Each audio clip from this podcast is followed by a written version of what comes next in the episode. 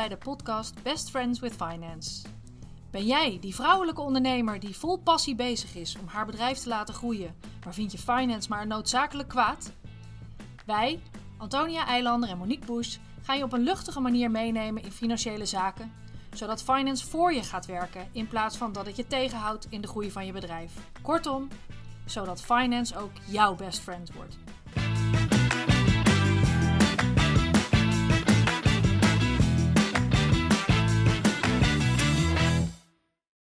Hey, hoi, wat leuk dat je weer luistert naar een nieuwe podcast van ons, Monique en Antonia, Best Friends with Finance. En ook your best friends with finance.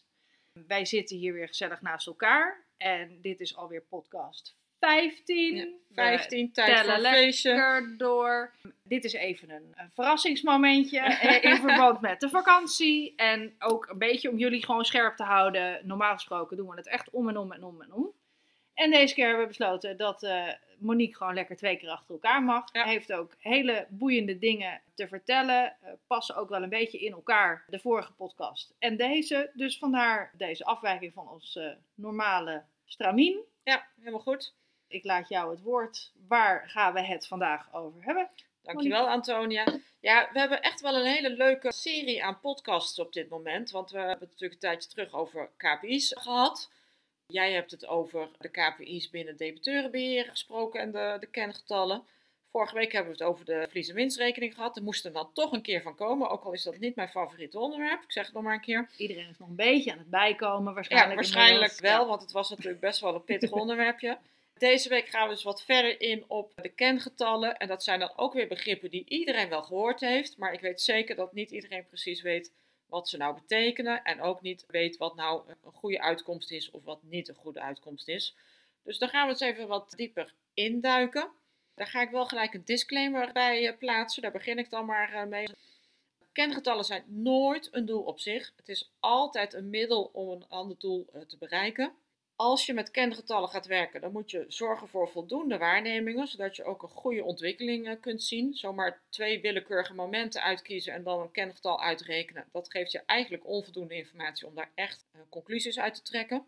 Je moet natuurlijk de norm vaststellen, want er is geen harde norm die altijd goed of altijd fout is. Je zult ook voor je eigen bedrijf moeten kijken wat een goede norm is in jouw situatie. En, dat is zo echt een disclaimer, de resultaten uit het verleden bieden uiteraard geen garantie voor de toekomst. Dus het wil niet zeggen dat als je kengetallen in het verleden heel goed waren, dat dat dan voor de toekomst automatisch ook gaat. Je moet natuurlijk gewoon keihard aan je bedrijf eh, blijven werken.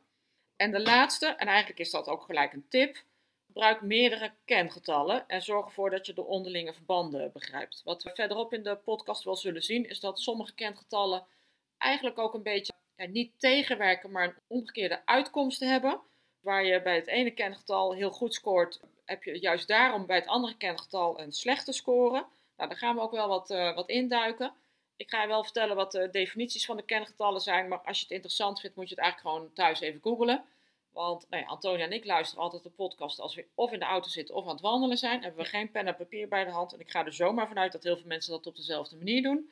Dus zoek ze dan gewoon even op op Google. Eh, het zijn hele bekende begrippen. En dan ga je vast heel snel eh, de exacte definitie terugvinden. Hey, en dan, ik luister natuurlijk ook altijd ademloos mee terwijl jij zit te vertellen, net als de mensen die de podcast zitten te luisteren. En ik heb dan ook gewoon af en toe vragen. En het voordeel wat ik dan heb, is dat ik gewoon naast je zit en mijn vragen meteen kan stellen. En niet Live. hoef te wachten of het in de comments te zetten of Ja. het eh, in een privéberichtje aan je te sturen nadat ik de hele podcast al afgeluisterd heb. Maar in jouw disclaimer zeg je onder andere zorg voor voldoende waarnemingen. Zorg dat je een, een goed verdeelde ontwikkeling kan laten zien. En je zegt twee is dan niet genoeg, hè? twee momenten met elkaar vergelijken.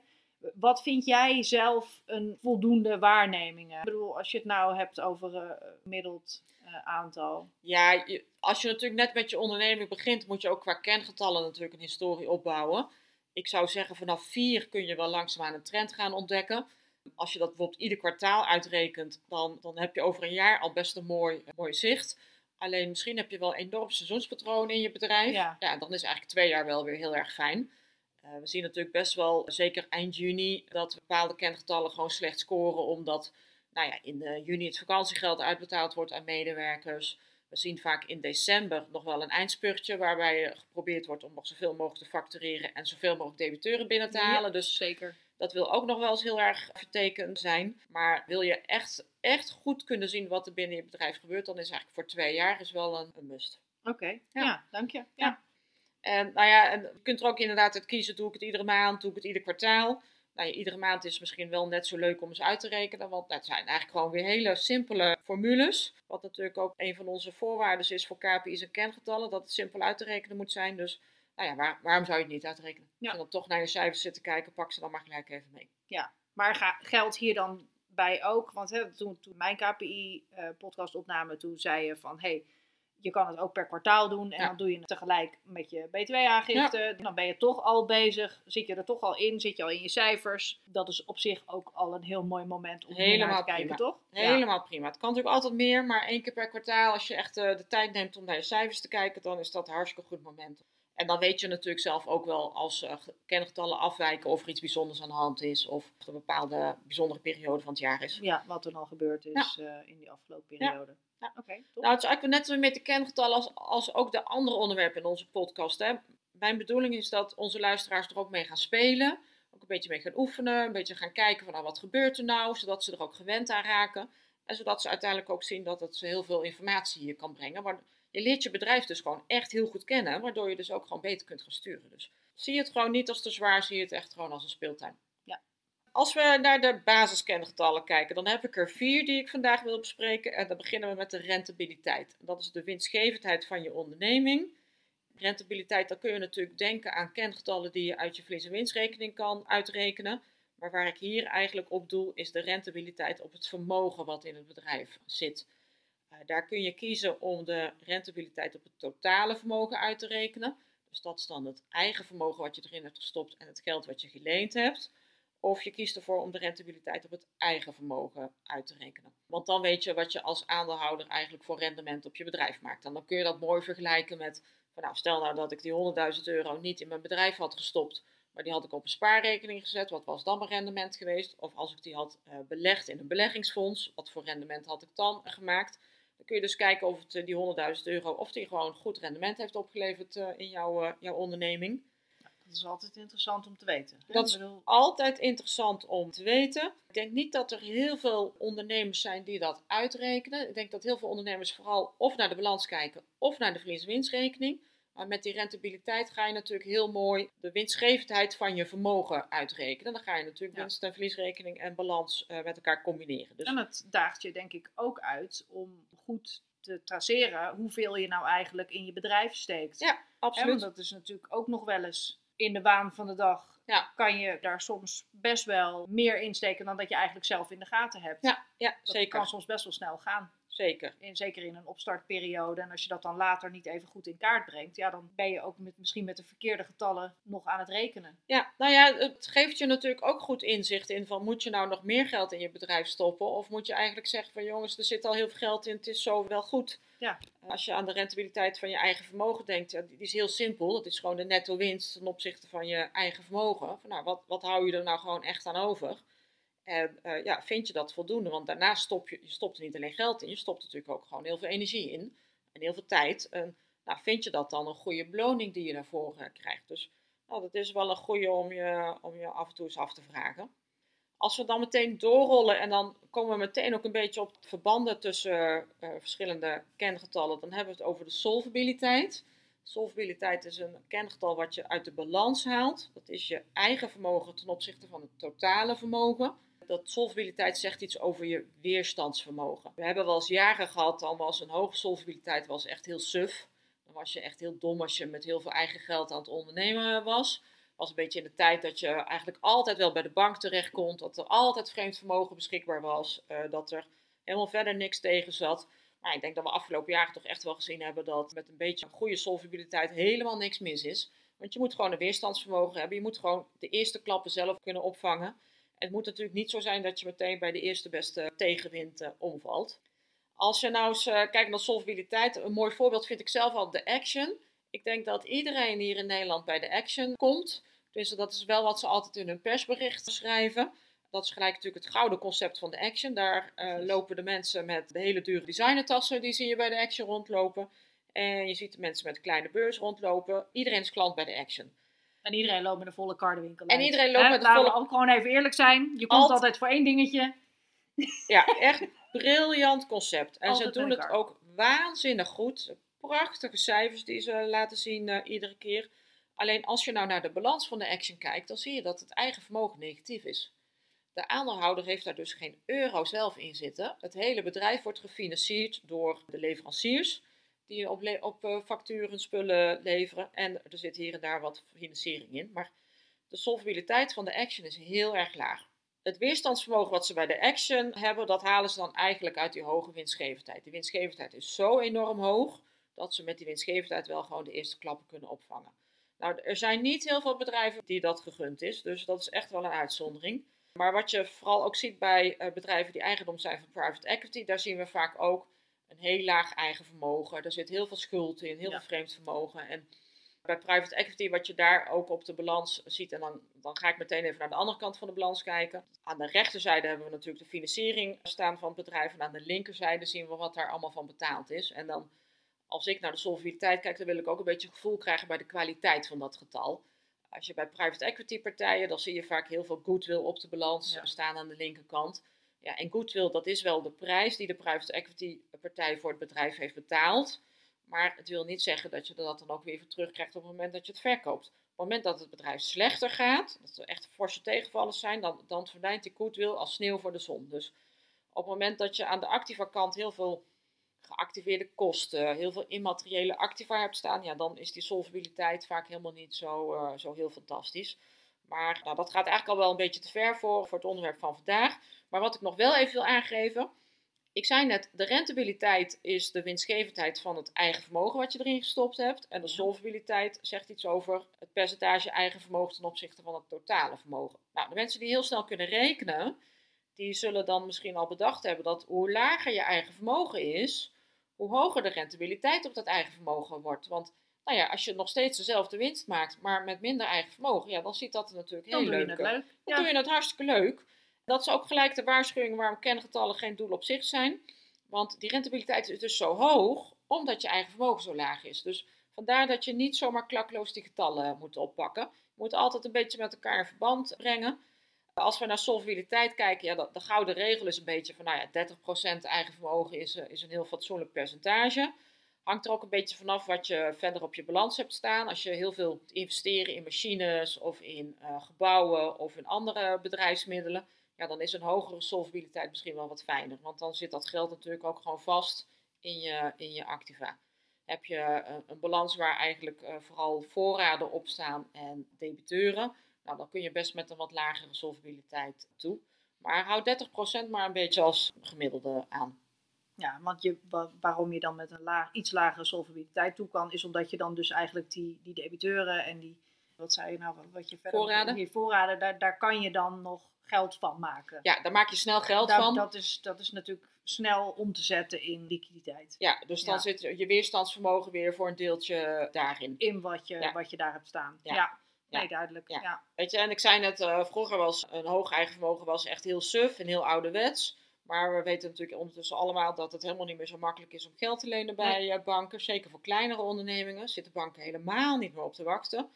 Dus zorg maar dat je gewoon zelf geld hebt om je bedrijf te laten draaien. En dat je niet te, te afhankelijk wordt van de bank. En, nou ja, en wat we de laatste tijd ook zien, is de rente is natuurlijk enorm aan het stijgen. En dat kennen we eigenlijk niet, want we hebben, ik denk wel twintig jaar lang een dalende rente gehad. Dus het was eigenlijk altijd goed om kortlopend te financieren, want de rente ging toch wel zakken. En tegenwoordig zien we de rente enorm hard stijgen. Ja, dat heeft echt wel heel veel effect op je bedrijfsvoering. En opeens wordt vreemd vermogen natuurlijk echt weer heel duur geld. Ja. Wat je wel gewoon moet terugverdienen. Hè? Dus zorg maar gewoon dat je voldoende geld zelf in je bedrijf hebt, zodat je niet zo heel erg afhankelijk bent van, eh, van die bank. Goeie tip. Hele Ja. goede tip.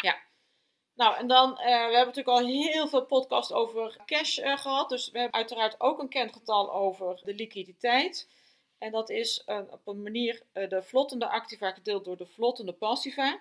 Vlottende activa, ik zei het net al een beetje, de voorraden, de debiteuren. Eigenlijk activa die je heel snel om kunt zetten in geld.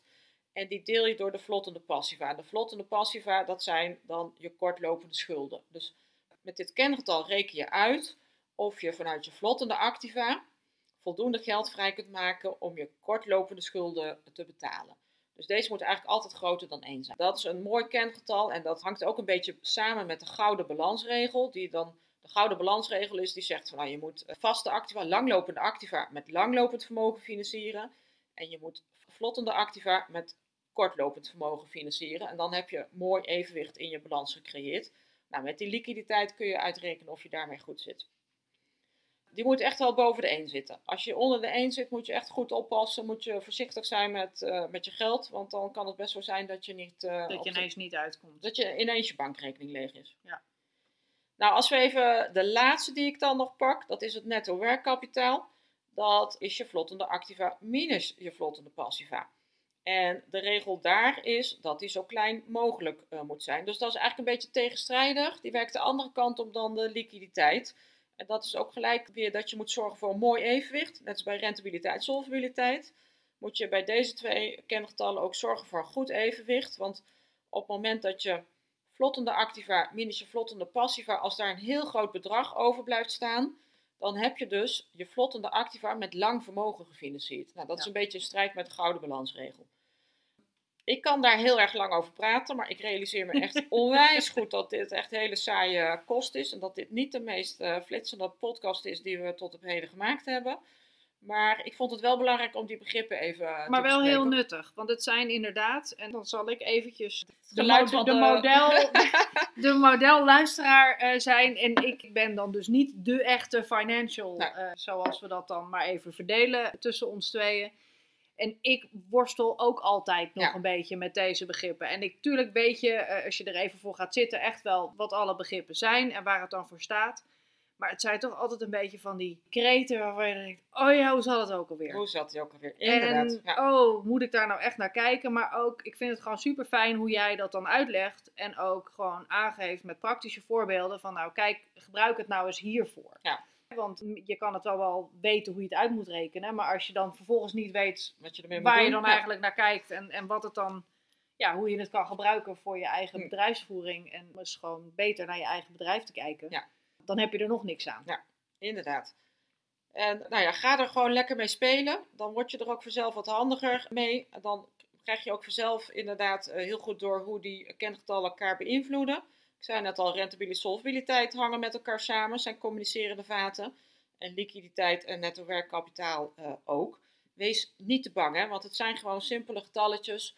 Eigenlijk maakt het ook niet zo heel veel uit hoe je het uitrekent, als je het maar gewoon ieder moment op dezelfde manier uitrekent. Want dan zie je mooi de trend. Het gaat ook niet zozeer om het, om het getal aan zich, maar het gaat vooral om de trend die je in de afgelopen periode ziet.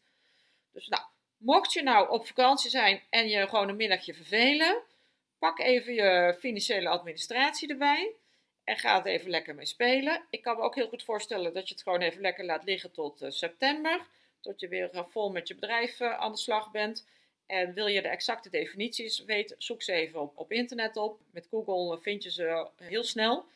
En ga er lekker mee spelen, zou ik zeggen. Nou, en dan denk ik dat we gewoon weer een hele mooie, waardevolle podcast hebben opgenomen. Waar eh, we een heleboel ondernemers mee kunnen helpen. Want ik denk dat er velen met mij zijn die ook weer vandaag een stuk wijzer zijn na het luisteren van deze podcast. Dankjewel. Monique. Dankjewel. Super. Tot volgende keer. Doei.